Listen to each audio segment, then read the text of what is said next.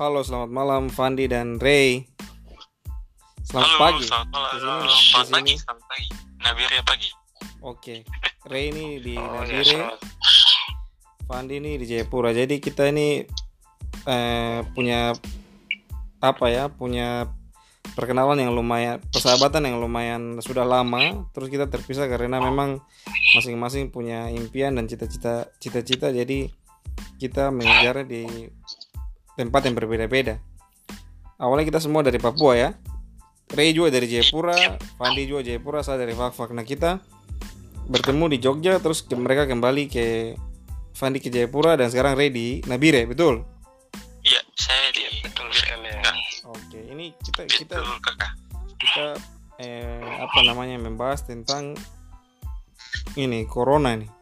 Sejauh mana berdampak sampai ke Papua karena saya yang jujur yang di di Jawa sini kita tidak tahu memang kondisi di Papua ini bagaimana. Karena saya pikir mungkin Papua nih harusnya sih susah untuk dijangkau maksudnya jangkau sama corona nih karena mungkin jauh sama gampang sekali kalau misalnya mereka mau tutup dari awal langsung tutup itu bis- bisa seharusnya.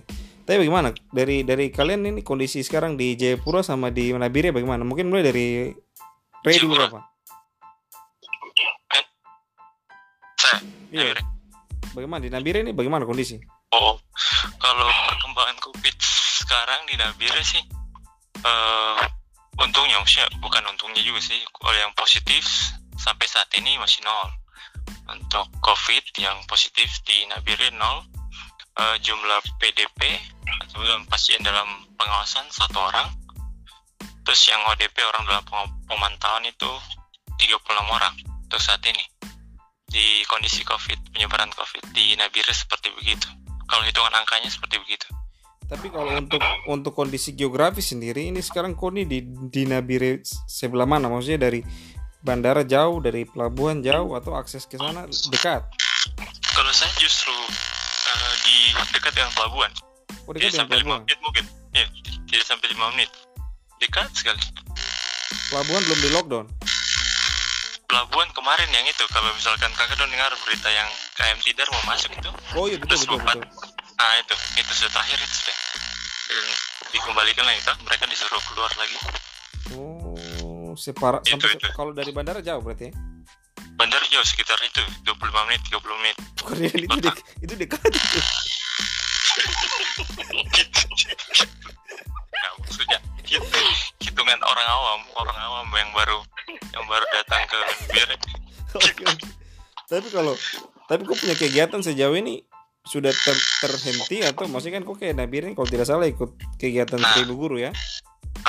itu kegiatan seribu guru kemarin tuh di Pak. sebelumnya sebelum terkena ini tuh sebelum apa covid yang 19 ini Oh sebelumnya di Dan- Jayapura. sebelum Jayapura dan perkembangan kalau boleh cerita sedikit perkembangan justru perkembangan covid di Nabire ini orang orang di sini malah mungkin pengaruh ini ya, kurangnya sosialisasi ke masyarakat masyarakat sehingga Hmm. masih ini masih masih sering ini masih sering keluar keluar rumah jadi anggap biasa saja kegiatan biasa hanya saja mungkin aktivitas-aktivitas toko kios-kios sampai jam 8 jam 7 malam saja Oh berarti masih sampai jam 8 ya? Iya masih jam jam 7 jam 7 Jam 7. Kalau kalau saya dengar-dengar ini kayak kayak kayak Fandi dulu ini tadi kita sempat cecetan juga saya cecetan juga dengan Fandi ini bilang kalau Jayapura jam 2 sudah terhenti Pak. Itu bagaimana tuh? Kondisi terpusat di, di Jayapura bagaimana sekarang? Jadi begini kan, memang kita ini yang paling ujung di timur ini memang banyak yang apa berpikiran bahwa kita tidak mungkin terserang apa COVID-19 dan sebagainya. Mungkin karena orang beranggapan kita kuat dan segala macam. Tapi itu tidak menutup kemungkinan. Soalnya eh, semenjak wabah ini masuk ke Indonesia saya pribadi sendiri juga sih berpikiran bah tidak mungkin lah masuk Papua. Itu pikiran saya. Eh, tapi setelah itu eh, perkembangan penyebaran virus yang di- terjadi di ibu kota sangat cepat dan pada akhirnya pertanggal 17 Maret kalau tidak salah itu himbauan sendiri dari gubernur eh, untuk kita menghentikan segala aktivitas yang berhubungan dengan banyak orang ya termasuk eh, kita kerja di kantor dan segala macam anak sekolah diliburkan eh, pembatasan jam kerja. Awalnya masih normal sih masih sampai jam 6 Tapi sekarang? Tapi semenjak sekarang ini sampai jam 2 kawan. Jadi eh, segala aktivitas pasar dan segala macam itu sampai jam 2 yang hanya sampai jam 6 itu kalau tidak salah itu apotek terus sama pom bensin. Nah, selebihnya dari situ ya seperti kota mati.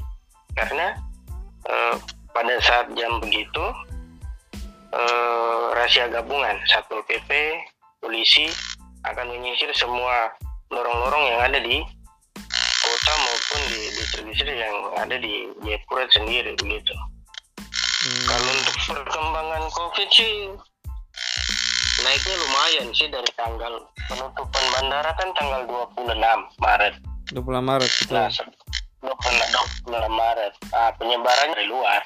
Karena itu mereka yang orang yang dalam pengawasan itu yang eh, penyebaran itu. Dan sekarang penyebaran itu terjadi di lokal tidak hanya dari orang luar itu. Karena orang luar itu yang pertama terindikasi dia sudah meninggal.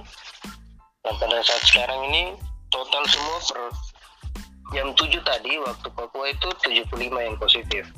75 positif. 70 75 positif itu penyebarannya di 8 kabupaten. Kabupaten Nah, itu yang sembuh 15 yang meninggal itu tujuh orang. Sedangkan ODP-nya itu 3423 PDP-nya itu 98 Oh, berarti sudah PDP sudah sampai 98 nih. PDP-nya 98 dalam penguasaan data terus yang oh, ODP-nya itu 3423 Nah, di tempat yang saya domisili ini di daerah kompleks ini itu di Kabupaten Jayapura. Ya, kalau ke bandara tidak sampai dua menit lah sampai. Oh, tapi, Pokoknya di dekat-dekat tapi bandara sudah tutup. bandara sudah tutup. Sejak dari 26 tanggal Maret ya? 12 26 Maret. Betul. Katanya buka lagi di tanggal di April tanggal 22 kalau tidak salah. Betul kah? Di April 22 tidak tidak buka. Oh, tidak. Berarti Itu hanya hoax, itu hoax saja itu. Oh, oke oke oke. Tapi kamu sendiri kondisi aman kau toh kawan? Maksudnya sehat-sehat semua tuh? Iya, sehat-sehat semua apa eh, aktivitas ya seperti begitu kita di rumah cuman kerja dari rumah olahraga ya begitu jadi aktivitas kita lihat normal itu dari pagi Sampai sampai, jam jam dua. 2 iya masih normal cuman tidak serame yang dulu karena eh, banyak kebanyakan juga toko-toko kecil kayak lontong ini tutup terus pedagang-pedagang kaki lima juga jarang buka sekolah-sekolah tutup jadi kelihatan seperti iya ekonomi tetap berputar cuman ya itu sedikit sedikit bagaimana ya?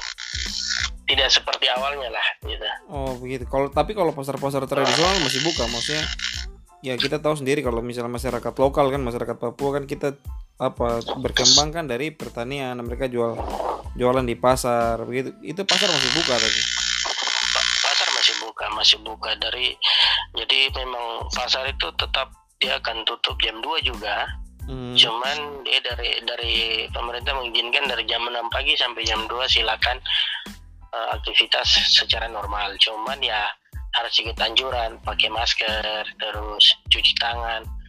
Dan beberapa kali saya jalan keluar untuk beli sesuatu di supermarket eh, beberapa supermarket beberapa tempat-tempat yang sering dikunjungi sudah menyediakan eh, peralatan untuk cuci tangan. Jadi mungkin masyarakat sudah sadar akan itu. Hmm. Oh, ma- ini kemarin saya lihat sa- ke Ray dulu. Ray kemarin kan kau udah upload Oi. yang bikin video yang kau di pasar kan? oh iya saya pas di pasar itu Saya lihat ini, musik mungkin Fandi juga bisa bisa menanggapi videonya Ray. Maksudnya kalau kalau dari sudut pandang saya kan Ray ini kayaknya kurang setuju terkait soal eh, di rumah saja, betul kak Ray kan? Eh, kurang setujunya lebih ke ini sih lebih ke masyarakat yang golongan bawah Oke oke. terlebih Oke, tap- tapi tapi dari dari pesan itu yang saya tangkap begitu. Kalau dari Fandi bagaimana? Betul atau tidak? Yang kau tangkap juga begitu? iya paling saya tangkap mungkin begitu cuman kan sekarang memang jadi pro kontra sih Iya, itu, itu itu yang saya mau itu yang saya mau tanyakan. Bagaimana menurut kalian berdua? Bagaimana? Itu kalian setuju kalau memang memang kita tidak bisa memungkiri itu maksudnya orang bawah apalagi yang tadi Fandi bilang tuh, yang Ray juga bilang tapi iya tapi memang terkait kesehatannya bagaimana kalau menurut kalian berdua nih? Kapan duluan?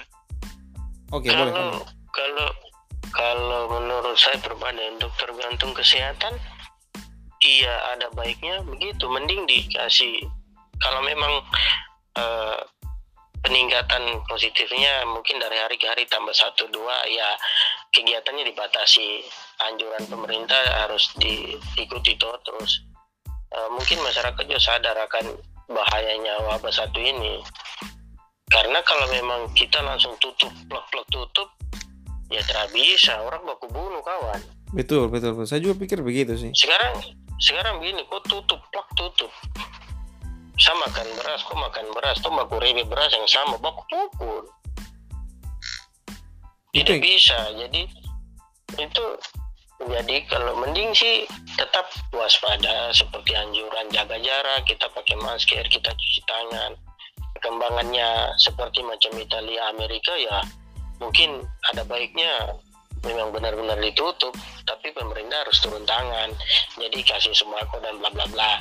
Tapi kalau untuk keadaan sekarang sih mending ikut anjuran pemerintah saja toh. Jadi kita tetap waspada untuk kita diri sendiri untuk keluarga kita sesama kita dengan ikut anjuran pemerintah. Kalau memang orang suruh kita kegiatan dari jam sekian sampai jam sekian ya kita ikut. Setelah itu kita di rumah.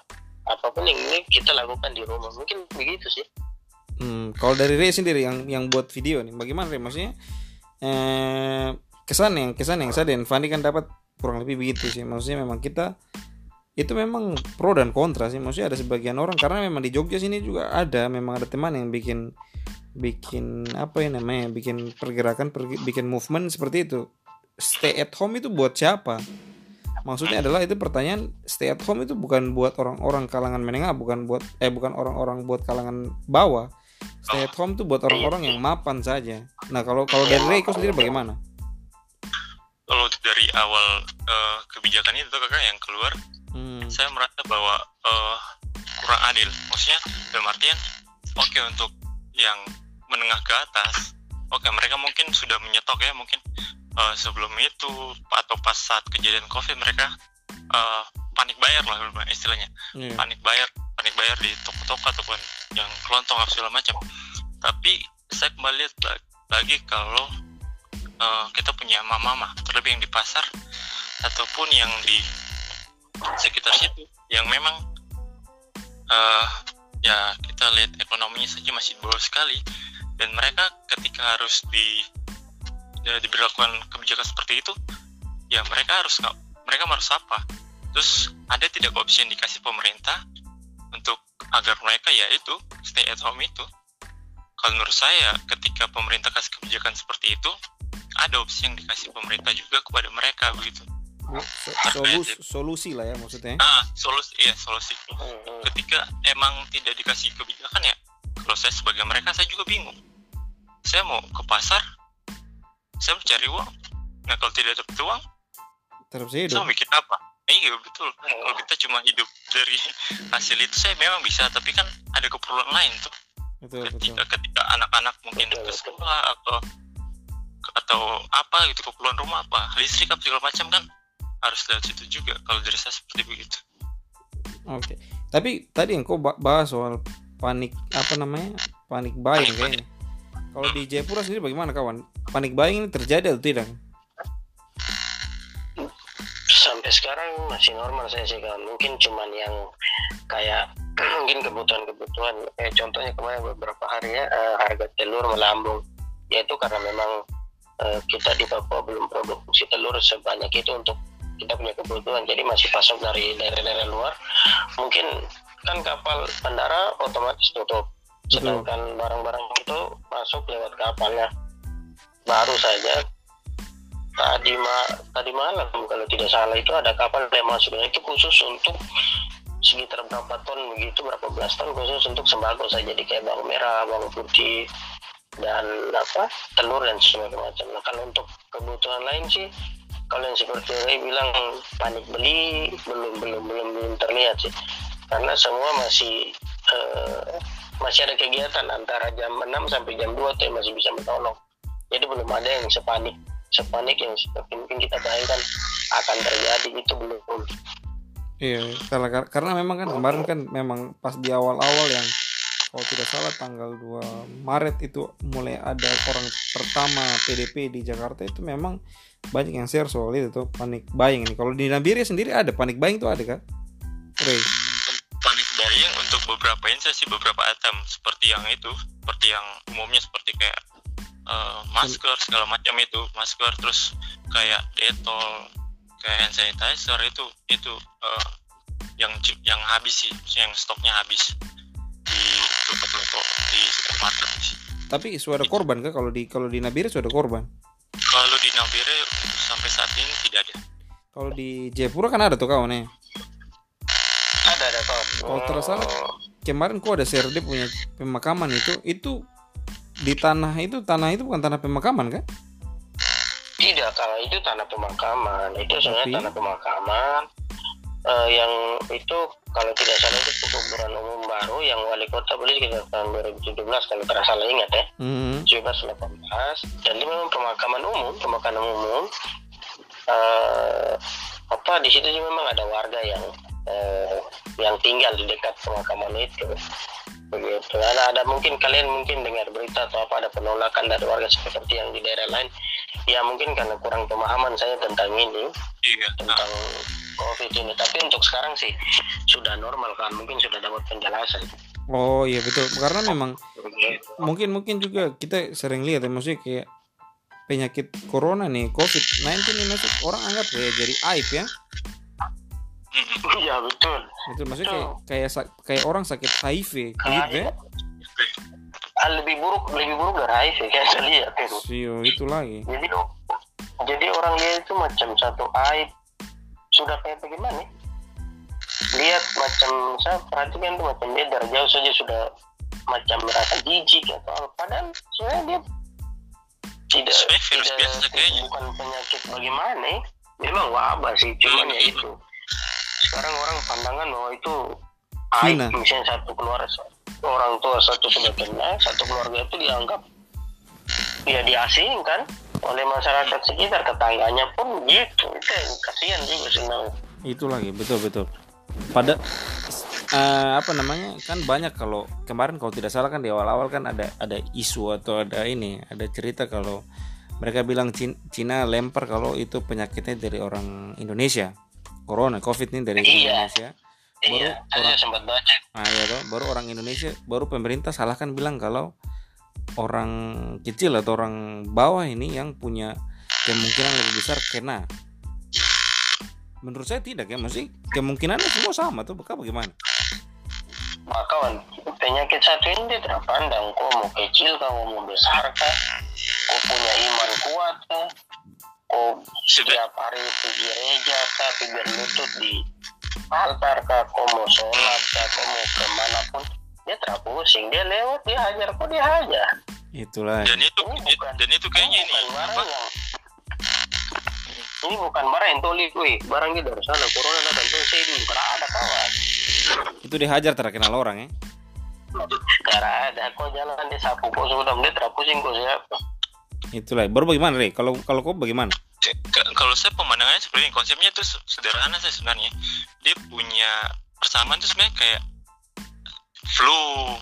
Ah, iya, kayak flu. penyebaran penyebaran penyebaran seperti itu tuh ketika kita emang lagi eh, untuk eh, waktunya untuk dapat ya dapat. Ketika kita emang apa apa asupan gizi kita itu emang kuat ya berarti kan otomatis tidak akan terkena seperti itu. Tapi sekarang orang nganggapnya itu yang sudah semacam kayak penyakit yang sangat luar biasa padahal sebenarnya kan eh, konsep atau ininya virus kan memang begitu. Semacam flu malaria dia akan terus ada dia akan terus berputar sebenarnya kalau Hmm. dari pandangan betul betul. Nah ini saya, mau tanya kemungkinan terburuk. Maksudnya kalau menurut saya sendiri kan ini kan akan panjang tuh maksudnya. Saya dengar-dengar juga dari Iya. ada saya baca tadi pagi itu kalau di Amerika sama di Eropa itu mereka ada bisnis baru bisnis developer ini bunker jadi orang-orang kaya di Amerika sama Eropa mereka sudah mulai memikirkan tentang uh, masa depan di mana masa depan itu bukan persoalan lagi kita pikir hal-hal hal-hal duniawi tapi kayak perang perang krisis itu akibat corona ini ada ada kemungkinan terjadi. Jadi kayak misalnya kayak orang rusuh karena mungkin cari makan penjarahan. Gitu kalau menurut kamu sih karena kan di Jayapura ini kan eh bukan di Jayapura maksudnya di Papua ini kan lumayan lumayan apa ya saya bisa bilang kan orang-orangnya kan lebih keras toh. Ya terlepas Ya. dari di terlepas dari di Papua lah di mana pun itu bisa bisa saya terjadi maksudnya orang apalagi kemarin tersebar video Gojek ancam itu kan. Orang orang lapar bisa jadi beringas. Nah itu bagaimana menurut kamu sendiri? Kalau di Papua apalagi apalagi tadi Fandi kan cerita kalau eh, kondisinya di Papua ini kalau orang-orang orang asli ya yang kena ya bagaimana itu kawan menurut data yang untuk provinsi Papua ya kawan dari dari yang 8 kabupaten yang tersebar ini yang orang asli baru tiga orang. Baru Hmm, tiga orang dan itu eh, sudah membaik. Sudah sudah sudah sembuh. sudah biar boleh dikatakan lah iya untuk beberapa hari ke depan bisa bisa bisa pulang ke rumah lah gitu. Hmm. itu dari hasil laporan dari apa ketua covid yang untuk provinsi Papua. Nah kalau untuk ke depan seperti tadi kan bilang baca yang eh, penjarahan dan segala macam sih itu berdua saya tidak sampai sih sebenarnya semoga Cuman- lah ya Iya, cuman kalau untuk ke depannya itu pemikiran yang realistis sih kawan. Kalau memang kalau lihat tren dia naik terus naik terus kan otomatis tuh perekonomian kita juga mati. betul Nah sekarang kalau misalnya pemerintah keluarkan statement untuk kita tetap di rumah apa, apa misalnya dia trennya naik terus dia kasih perintah kita tetap di rumah tanpa melakukan sesuatu. Nah sekarang oke lah dalam awal dia bisa kasih pemerintah nugas orang tiap rumah mungkin ada beras karung kami telur tong makan toh. Hmm, Nah sekarang pandemi itu dia berlanjut terus misalnya berlanjut terus. Sekarang bahan baku yang pemerintah punya tetap ada kah? Tidak mungkin toh kalau memang tidak ada pabrik dan segala macam yang bekerja. Dan itu jadi satu polemik juga untuk ke depannya kalau memang itu benar-benar terjadi ya yang kayak kau bilang penjarahan di mana-mana orang bisa beringas atau rebut hanya karena mungkin merasa satu karung saya orang bisa baku bunuh betul betul. Kalau kalau- pemikiran untuk untuk pemikiran realistis ke depan mungkin ada cuman jangan jangan terjadi jangan sampai lah ya. Tapi kalau dari Ray Iya, sendiri jangan bagaimana. Ray kalau dari kalau saya yang kalian tadi Kemungkinan bilang yang di terburuk. mana di yang di Amerika sama ah ini itu tadi kalau di Amerika kan kemungkinan mereka sudah ngebahas sampai ke situ kan Mm-mm. Nah, kalau menurutku sendiri lah, kau punya kau punya pandangan nih soal kemungkinan terburuk dari dari pandemi COVID-19 ini bagaimana? Maksudnya kalau memang ini terus berlanjut mungkin sampai Juni atau Juli bakal ada krisis atau tidak ini? Atau mungkin apa kau punya pandangan akan selesai di mungkin di Lebaran? Uh, kalau pandangan saya, kalau misalkan dia akan terus, uh, misalkan belum berhenti yang sesuai dengan apa yang sudah di, diprediksi sama orang-orang, uh, kemungkinan akan terjadi penjaraan dan segala macam, saya rasa kemungkinannya kecil. Karena saya yakin apa pemerintah maupun juga masyarakat sudah sudah pasti punya apa caranya masing-masing ya mungkin ya Hmm, saya saya rasa pemerintah, saya rasa pemerintah sudah menyiapkan opsi yang terbaik buat masyarakat bagaimana cara menghadapi eh, COVID ini, penyebaran COVID ini. Dan mungkin ke depan yang seperti yang negara yang Amerika sama itu lakukan, eh, mungkin pada saat pemilihan presiden apa wakil presiden ya salah satu program untuk me- meminat masyarakat ya salah satunya pencegahan COVID. Saya rasa mungkin mungkin jadi jadi apa? jadi kampanye lah ya. ya jadi kampanye dan juga mungkin ke depan ketika memang wabah ini akan akan terjadi lagi ya kita bisa mungkin besoknya dapat di ketika apotik ada pil anti corona misalkan pil apa kayak obat-obat malaria biasanya ya. jadi ketika ada wabah corona atau virus corona ya sudah kita ke apotek tinggal cari pak obat corona ada kah? Nah gitu. Tinggal dikasih maksudnya ada mulai dari sekarang sudah sudah dipikirkan tuh hal-hal yang seperti begitu sih. Jukardera ini calon legislatif juga nih. Betul betul itu sebutnya besok-besok ada pil anti corona obat corona kan sudah sedih paling sebelum hujan ketika wabah itu akan terjadi lagi misalkan. Tapi ini ini kalau untuk di kalian sendiri di Nabire sama di Jayapura mungkin mungkin apa namanya kak? Di sana mungkin masih sedikit ya movement movement dari dari di luar dari uh, pemerintah mungkin ya. Langkah-langkah dari pemerintah movement movement dari anak-anak muda mungkin atau mungkin uh, pebisnis-bisnis atau mungkin entrepreneur itu ada ketidak apa gerakan-gerakan atau kampanye-kampanye biar ini tidak kita bisa lewat ini bersama-sama. Contohnya misalnya kalau misalnya di di sini kan ada beberapa teman-teman atau mungkin selebgram mereka saya pikir di Nabire sama Jayapura pasti ada lah ya. Maksudnya pasti ada selebgram pasti ada uh, influence lah ya. Nah di sini mereka influence influence itu mereka buka promote promosi itu mereka posting usahanya secara gratis biar bisa jalan usahanya bisa jalan. Nah kalau di sana sendiri ada gerakan-gerakan seperti itu atau tidak? Jadi biar kita bisa sama-sama melewati ini akhirnya mereka kita saling support. Begitu di sana ada tidak? Kalau dari Jayapura Jayapura? Kalau Jayapura sampai saat ini belum ada kawannya masih upaya pemerintah sendiri untuk mm, apa memberitahu apa segala macam pencegahan dan segala macam untuk uh, uh, anak-anak muda sih belum belum pengusaha muda dan segala macam belum ada gerakan-gerakan yang bisa apa mengkampanyekan sesuatu hal yang positif untuk memutus ini. Covid ini belum ada sekarang. Masih masih pemerintah masih berjalan sendiri dengan aturan-aturan yang mereka keluarkan untuk sampai saat ini ya. iya, iya, iya. kalau untuk kalau untuk di Nabire? Kalau di Nabire movement-movement yang seperti itu eh, belum ada hanya saja mungkin dari masing-masing orang sih pribadi individu apa individu-individu yang eh, menyuarakan itu lewat ini lewat story WA maupun di Facebook. Tapi saya rasa terasa juga pemeran eh, peran pemerintah di sini eh, masih kurang sebenarnya.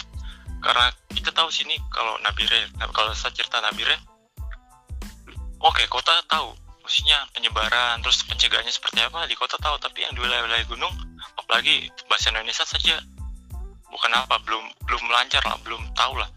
Nah ini sebenarnya peran pemerintah di sini mensosialisasikan bagaimana apa itu covid terus pencegahan seperti apa pencegahan pertamanya seperti apa harus harus memang harus dikuatkan lagi sebenarnya. Memang masih dari pemerintah sih apalagi kalau, pemerintah. apalagi kalau orang-orang ini orang-orang yang dari kampung-kampung ya ah itu kak. Aduh. Iya. Untuk bahasa untuk bahasa Indonesia saja kasihan. Betul betul. Pasti. kita, apa namanya pemerintah betul juga saya juga terkepikiran misalnya orang dari kampung mereka tidak paham apa apa ya. Itu lagi tidak paham lu tahu saya covid itu apa. Kalau di bagian bagian kota sih oke. Maksudnya eh, apa? Masih bisa paham kalau pemerintah mungkin kasih apa edaran dan segala macam. Hmm, tapi kalau pengalaman saya di tempat saya kerja yang Kabupaten Kero kawan ya, hmm, itu sebelum ada kasus. Sekarang kita sudah empat kasus positif empat. Eh, sebelum ada kasus itu eh, kita kan ada berapa distrik ada saya lupa ada berapa distrik. Itu juga medannya jauh-jauh kawasan. Ada sampai distrik yang berbatasan dengan pegunungan bintang kan nah jadi itu eh, kepala-kepala distrik kepala ke Pak Camat orang ini toh. Hmm. dengan dia punya dengan dia punya pegawai-pegawai mereka ke kampung-kampung. Ada videonya ada video mereka ke kampung-kampung. Mereka kasih tahu eh, apa oh corona ini bagaimana penyebarannya bagaimana. Kasih mereka untuk jaga jarak cuci tangan. Nah kalau untuk setahu saya di Kabupaten Kirom kita sudah lakukan itu. Pemerintahnya sudah sigap untuk lakukan itu begitu kalau untuk di pedalaman pedalaman nah sedangkan yang positif kena yang empat orang ini dia di seputaran ibu kota kabupaten malah di kotanya oh. yang kena. Begitu. Kalau di Nabire sendiri ini kalau perawatan ada kan maksudnya rumah sakit apa namanya rujukan? Kalau rumah sakit rujukan provinsi Papua ada di Nabire satu. Oh di Nabire hanya satu saja ya? itu. Ada ada ada. Nabire ada. Hmm. hanya saja itu. Mungkin eh, orang-orang yang kita punya saudara-saudara yang di pedalaman. Eh, pengetahuan tentang covid ini yang mungkin rasa kurang. Betul seperti betul. itu malah malah takutnya itu bisa bisa rusak rusak satu generasi ya. maksudnya kan ini kan lumayan lumayan lumayan repot juga tuh. Maksudnya kalau orang orang yang yang tidak paham di pedalaman mereka tahu-tahu ternyata mereka kenal. Itu. Mereka nah itu Nah itu dia kawan yang yang yang saya tadi chat sama aku yang saya lebih takutkan itu yang OTG orang tanpa gejala ah iya betul itu bahaya sekali. Nah, sekarang begini OTG itu kan rata-rata imun kuat, hmm, iya toh. Nah sedangkan kita yang ada di Papua sini, jangankan orang asli saya saya mau dibilang bukannya apa tapi kita punya imun itu kuat. Kita tahu kita sehat begini, kita kena dan tidak kita tahu. Nah justru kita ini yang sebarkan ke orang Nah, ini kita lemah. takutan deh ah, rentan. Orang tua kita yang rentan toh. Betul. Di atas umur 60 nah itu dia. Jadi makanya tadi saya yang sempat chat sama kawanku yang saya takutkan itu itu OTG-nya kita di Papua ini kalau ada OTG aduh bahaya sekali. Tapi untuk sampai sekarang sampai saat ini belum ada OTG itu. Jadi masih masih bisa lah. Betul, begitu kau kalau kalau di di di di Nabire sendiri bagaimana di Nabire maksudnya eh apa namanya? Sudah ada yang belum ada yang meninggal berarti di Nabire ya? Belum belum. Belum. Nah, yang saya tak- yang saya pikir yang Fandi juga bilang ya saya takutkan begitu orang yang tanpa gejala terus baru di pedalaman. Maksudnya ketika Nah. mereka dimakamkan mereka dimakamkan secara rame-rame berkumpul padahal itu dia corona. Itu bagaimana tuh nah itu yang kita takutkan itu lagi kawan. kembali sih. Eh, fungsinya peran daripada sosialisasi itu sebenarnya tadi yang tadi tek- apa saya bilang itu eh, belum belum belum sampai ke, ke ke- mereka sih. Itu itu yang menjadi permasalahan. Dan juga status status OTG sebenarnya kalau bilang OD, ODP ya ya OTG itu kita semuanya kita semuanya masuk dalam ODP tidak dia bilang OTG sebenarnya kan kita sendiri kan tidak tahu. Maksudnya kita eh, pembawa apa ini ini kan kita ya fine fine aja di rumah tapi kalau menurut saya status daripada ODP itu saya rasa kita semua ya masuk dalam status ODP ini Oh oke oke oke. Eh, Saya coba coba ini nih. ODP kita ini om, eh, dia punya singkatan terlalu banyak jadi saya juga bingung juga. itulah Cuman kalau untuk- Kan suspek suspek itu kan orang-orang yang ODP kan. Betul tidak? iya Jadi ODP ini kan orang-orang yang pernah bersinggungan paling tidak. Jadi makanya kan ada ah, jadi orang-orang yang pernah bersinggungan tapi mereka belum positif. positif Ah, kurang lebih begitu. Tapi mungkin pem- pemahamannya Ray tadi soal ODP ini semua orang bisa jadi kemungkinannya Nah, ODP ya. bisa jadi kemungkinan ODP Oke oke oke oke oke. mungkin eh, Agak lebih- agak lebih ada, waspada ada tiga Bagaimana? ODP PD, ODP PDP OTG Oh iya Iya, oke betul. nah, orang dalam pemantauan ini mungkin kalau orang dalam pemantauan jadi begini mungkin kawan eh, misalnya salah satu contoh ya satu RT ini misalnya Pak RT Pak RT kena nih Hmm. Hah?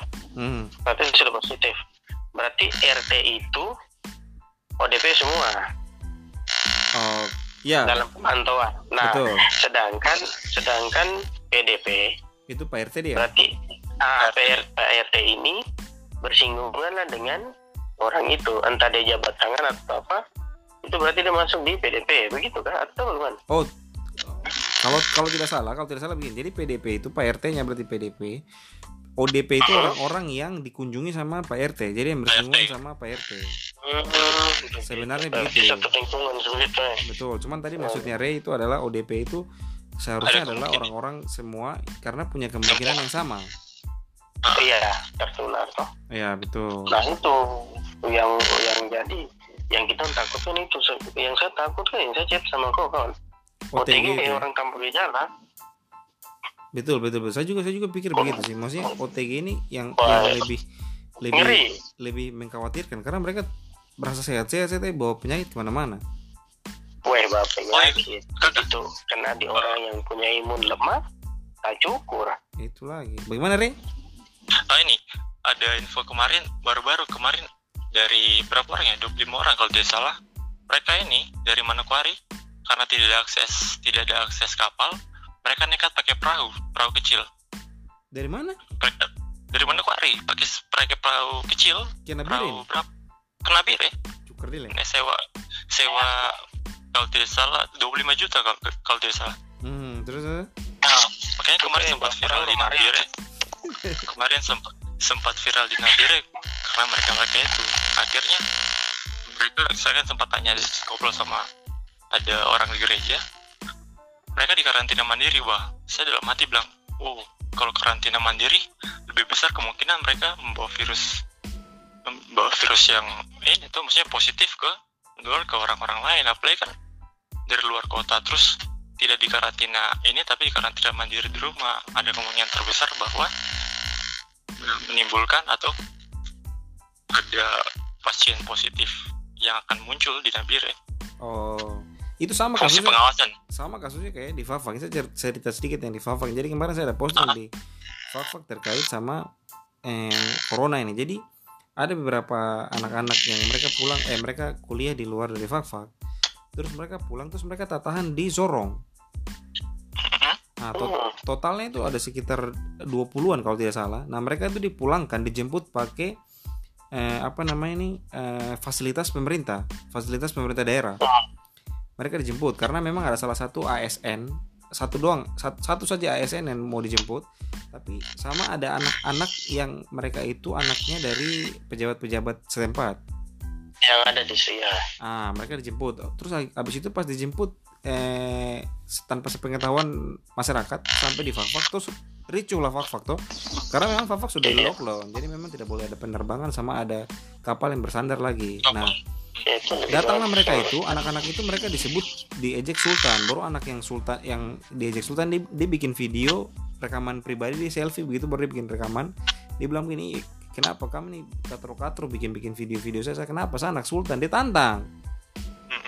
Tapi yang se- tapi yang Itu, seperti ya.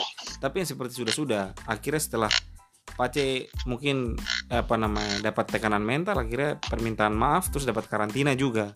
Cuman adalah begini maksudnya ini anak ini juga bodoh juga memang maksudnya bukan bodoh sih mungkin kasar sekali cuman bagaimana ya? Kan itu kan sangat membahayakan kedua orang tuanya. Jelas tuh kan bagaimana jelas jelas. Itu jelas oh.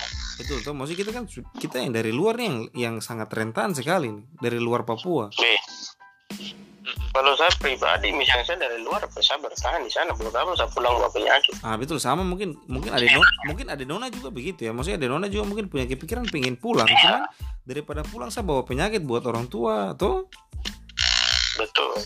Nah itu. dia malah selalu kasih kasih ingat saya dan pipi bilang jaga mama dan bapak berarti kan dia punya pemikiran jauh lebih lebih berkembang di sana. Dan kita betul tinggal di Jakarta daripada pulang begitu betul betul. intinya saling mengingatkan Tapi sejauh ini sejauh ini memang eh, kalau yang saya rasakan ya, maksudnya kalau saya rasakan ini kan media sosialnya jadi jadi apa namanya apa namanya support informasi yang kadang memang kita tidak tahu betul atau tidak. Mungkin kadang-kadang menebar ketakutan juga gitu kan menebar hal-hal yang mungkin terlalu berlebihan juga. Kak, tapi untuk di di di Papua sendiri di Jayapura dan di Nabire ini besar juga kak efek dari informasi yang menyebar di media sosial itu. Sama sama besarnya seperti di sini atau berbeda? Maksudnya siapa tahu di sana mungkin orang-orangnya belum terlalu fasih menggunakan belum semua belum semua menggunakan Instagram atau mungkin menggunakan media sosial atau sudah sudah sama berkembangnya seperti di sini? Kawan besar sekali kalau di Jayapura efeknya besar ya? Jadi efeknya besar dan yang yang yang yang saya tidak habis pikir itu begini kan kebanyakan gitu di sini nih. Baca judul saja sudah menyimpulkan segala hal macam. Eh, banyak sekali. Misalnya baca, betul dia baca judul saya ter wih itu dia sudah komentar sana sini pakai dia pa- paling pakar sudah. Padahal isinya itu nanti dijelaskan oh baru kita ngerti. Nah yang sekarang yang jadi persoalan ya kurang itu. Kita di sini ini kebanyakan baca judul belum tahu isinya apa sudah di share ke mana-mana sudah disebarkan ke mana-mana. Buat jadi tak ketakutan sendiri di masyarakat. Yang gue bilang ketakutan itu betul juga yang itu. Pace ini Menteri Kesehatan bilang sebenarnya corona ini tidak bahaya. Yang bahaya itu dia punya pemberitaan. Mental ini Iya, jadi saya pikir-pikir, iya betul juga sih. Kalau media sosial kasih berita yang bagus tidak hoax dan segala macam dan orang yang terima berita itu dia telah ada baca baik-baik pasti paham toh konsekuensinya bagaimana pencegahannya bagaimana. Well, fine fine saja. Pasti suatu saat pasti ketemu ada obatnya. Nah sekarang kalau misalnya beritanya heboh sekali bla bla bla bla bla. Orang semua pada takut. Sekarang kok berita itu dari telinga ke telinga segala macam saya pernah buat buat postingan di Instagram itu saya bilang uh, apa? Uh, sementara mendengarkan apa ini obrolan ibu-ibu tentang corona lebih seru itu. Padahal mereka obrolan itu betul. Padahal mereka obrolan itu sesuatu yang muncul di media sosial mereka kembangkan dengan pikirannya mereka sendiri. Ya sudah tahu mama mama toh. Betul betul. Oh dengar dari sini dengar dari sana dengar dari sini. Ya pasti kau rasakan sendiri. Mama-mama pinggir-pinggir rumah dong suruh apalagi beli sayur buat cerita. Aduh. Nah itu sebenarnya. Dan sekarang beberapa hari yang lalu yang sebelum masuk Indonesia kan eh, awal-awal masuk Indonesia kan ada beberapa yang posting bilang kalau di kota asalnya di Wuhan itu orang memberitakan itu soal kesembuhan betul. soal bagaimana menangani virus ini. Tapi kita di Indonesia tidak. Menimbulkan sesuatu yang buat orang takut buat orang ini dihina sama lingkungannya atau dikucilkan itu. Jadi sebenarnya yang yang bunuh kita bukan virus tapi orang-orang sehat yang ada di sekeliling kita itu. Betul. efeknya sangat besar juga saya juga pikir begitu sih. Mungkin mungkin memang memang kita punya tekanan mental ini lebih lebih lebih lebih besar. Tapi bagaimana? Kalau menurut Ray sendiri kalau di Nabire sendiri media sosial juga jadi efek penyebaran apa? Selain penyebaran covid juga penyebaran berita yang menyakitkan juga kan?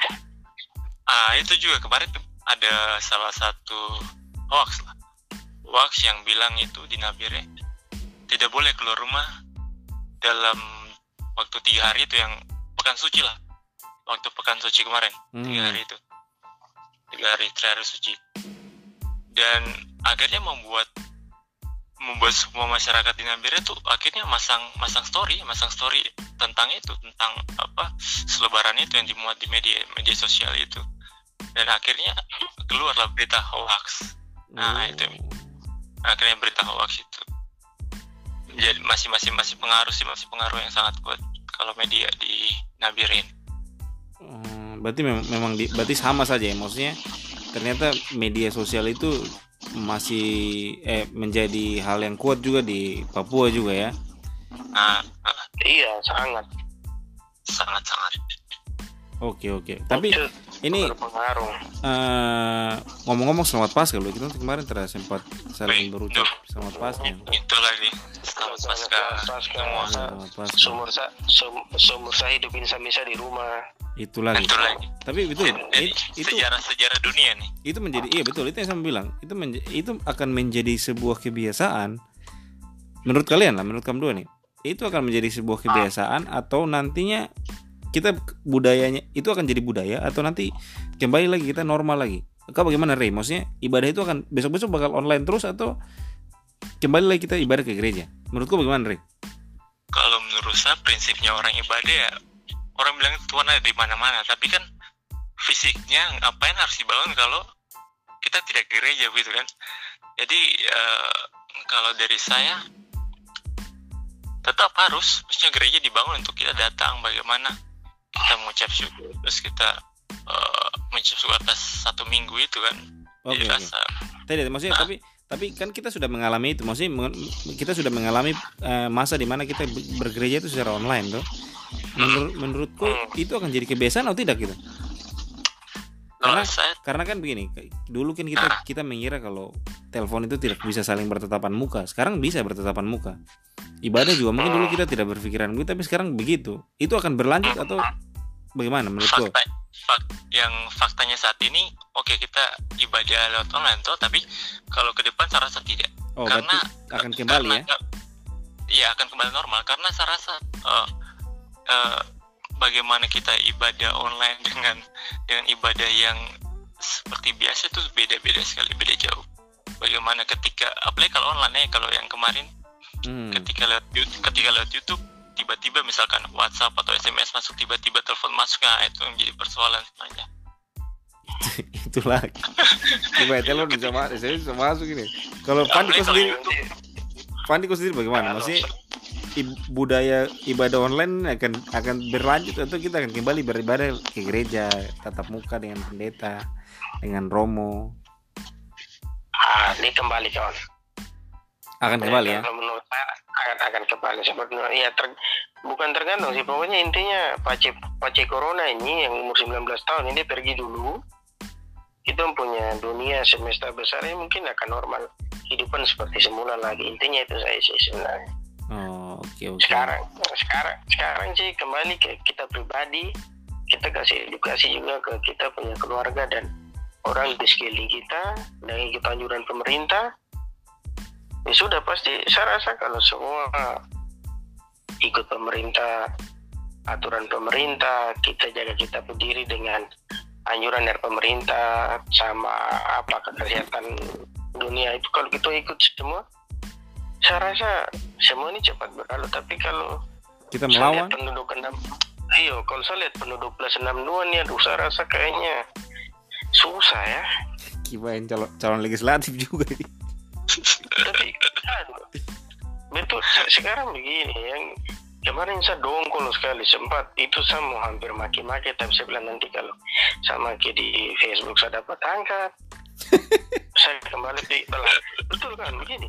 Sekarang begini. Oke lah ini untuk menjaga itu Pak Gubernur baru kali ini saya dukung dia punya keputusan. Ditutup bandara dan pelabuhan. Saya dukung dia. Saya hormat.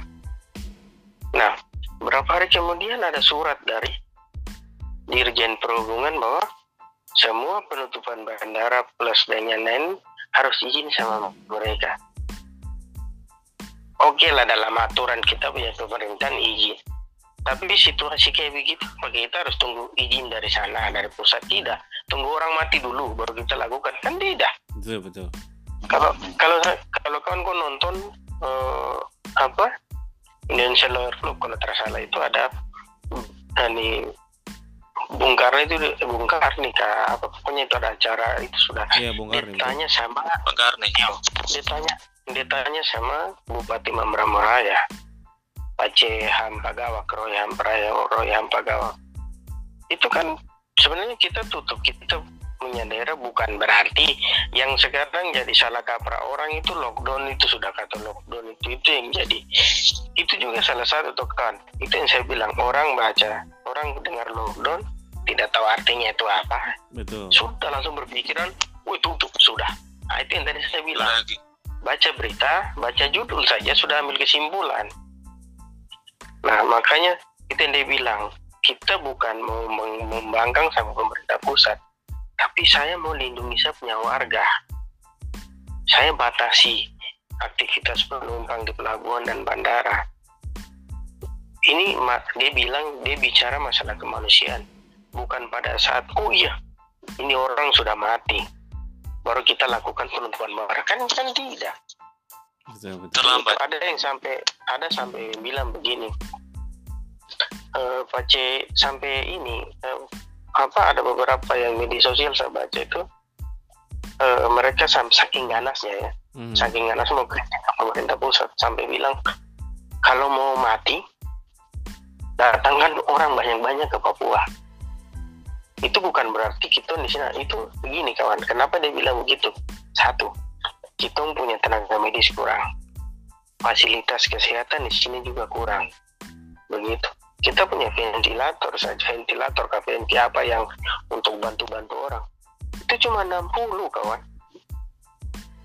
Betul lagi pas-pasan karena ya. karena pas-pasan 60 sedangkan kalau kau buka penerbangan kau buka itu pelabuhan manusia datang bergantian sentuhan dengan ini kita tidak tahu. Ya sudah itu yang kemarin itu saya juga senang dengan statement ada ada di media sosial mereka tulis begini ikut aturan pemerintah sekarang kau tinggal pilih mau jadi pasien atau mau jadi mayat. Iya toh sekarang kan cuma itu. Makanya ya memang ada. Masalah corona ini pro kontra terlalu banyak. Cuman kalau kita pikir jernih baik-baik pikir baik-baik untung ruginya. Kalau kita mau bahas di sisi kayak tadi Ray bilang mendengar ke bawah juga masuk akal untuk kesehatan juga masuk akal. Kalau mau dibilang ya kayak itu kan mata uang itu. Kita lembar di bisa tabula balik yang itu sudah depan Garuda belakang Yakob nah itu sudah yang kita mau sekarang. Jadi tidak akan ada titik temu. Intinya sekarang apa yang pemerintah lakukan kita ikut baik-baik. Mereka tidak mungkin buat keputusan susulkan kita masyarakat ini tak betul betul betul. Begitu. Eh, ini ini pertanyaan pamungkas. Pertanyaan pamungkas Eh, untuk mengisi kekosongan kekosongan kekosongan ya untuk untuk saya pribadi eh, mengisi kekosongan ini memang banyak waktu yang terbuang. Eh, saya habiskan dengan mungkin membaca buku menonton TV mungkin kamu lihat-lihat saya punya Instagram ya saya post posting apa yang saya baca apa yang saya nonton. Kalau misalnya kamu dua sendiri nih yang kalian lakukan selama eh, kondisi seperti ini apa yang kalian lakukan di rumah? Dari dulu kamu. Kalau saya mengisi kekosongan atau dengan tagline itu apa? Stay at home, work from home kayak itu. nah, saya mencoba mengembangkan mengembangkan apa yang saya punya dalam seni misalkan dalam desain. Saya mencoba untuk membuka jasa desain gitu. Membuka jasa desain terus menawarkan menawarkan ke orang-orang eh, jasa desain yang saya punya seperti itu. Agar apa sih biar lebih produktif biar lebih produktif biar lebih bermanfaat dengan apa yang saya miliki saat ini. Itu yang saya lakukan di rumah eh, mengisi hari-hari yang ini work from home ini. Hmm, mantap mantap. Kalau untuk Fandi sendiri? Kalau untuk saya semenjak eh, diberlakukan ini stay at home sama kerja di rumah ini ya, saya punya kegiatan ya eh, apa baca-baca perkembangan eh, terutama tentang corona ini sendiri. Dari nonton saya baca di eh, internet di media sosial ada berita-berita terbaru terus apa saya juga non, eh, ada beberapa nonton film sama ya olahraga di rumah lah sedikit-sedikit Eh, biar eh, keringat keluar. Saya lihat foto saya, eh, saya lihat video tuh Leo, Leoni bilang ih Fandi sekarang kurusan nih cukar dia Le." kakak pelatih mungkin begitu. Itu lagi coach memang beda coach top ini provinsi Papua. sudah mati kutu ini. Sekarang yang ganggu-ganggu ada ada lewat lewat grup saja kasih pemahaman untuk orang langsung betul dikeluarkan. sekarang sekarang bisa. Eh? Itu lagi ya mungkin kegiatan kegiatan yang positif sih itu kita olahraga eh, lihat perkembangan toh perkembangan corona sendiri baca-baca mungkin ada berita yang menarik. Yang seperti Benson bilang baca terus nonton nonton film yang kita anggap ya bisa motivasi kita ya. Mungkin itu saja sih. Betul. Karena kalau misalnya kita harus cari hiburan tuh daripada kita stres juga baca berita yang mungkin malah menjatuhkan kita punya semangat hidup tuh kalau sudah duduk pikiran mending bikin barang lain sudah nanti stres sendiri. Itu lagi Oke sudah itu mungkin mungkin sekian untuk untuk yang perbincangan kita di podcast malam ini. Semoga kita semua sehat-sehat selalu ya. amin amin Agar Amin, amin. kita bisa ketemu lagi, kita bisa berbincang lagi. Mungkin kita bakal harus Iya. kita harus buat obrolan-obrolan lain, mungkin topik-topiknya lebih ringan, mungkin bahas Uno atau mungkin ngebahas hal lain ya, mungkin tombe gadang kah atau mungkin kayak nah itu benteng kayak itu mungkin kayak lebih seru kah apa ya? eh, nah kayaknya bagus boleh boleh boleh Oke oke. Tolong nanti saya request undang kepala suku Waropen juga supaya itu lagi itu hancur. Aduh. rindu rindu oke oke sip Oke, sekian. Terima kasih banyak ya. Yap. Jam dua. sekian Ya. format Oke, itu saja obrolan kita pagi hari ini membahas tentang sebenarnya bukan ngebahas sih, kita cuman saling ngebagi tentang kondisi-kondisi teman-teman yang udah jauh berpisah dan di berbeda-beda kota dan mendapatkan informasi bagaimana mereka di sana menghadapi COVID-19. Oke, itu saya dari saya Benson. Selamat pagi.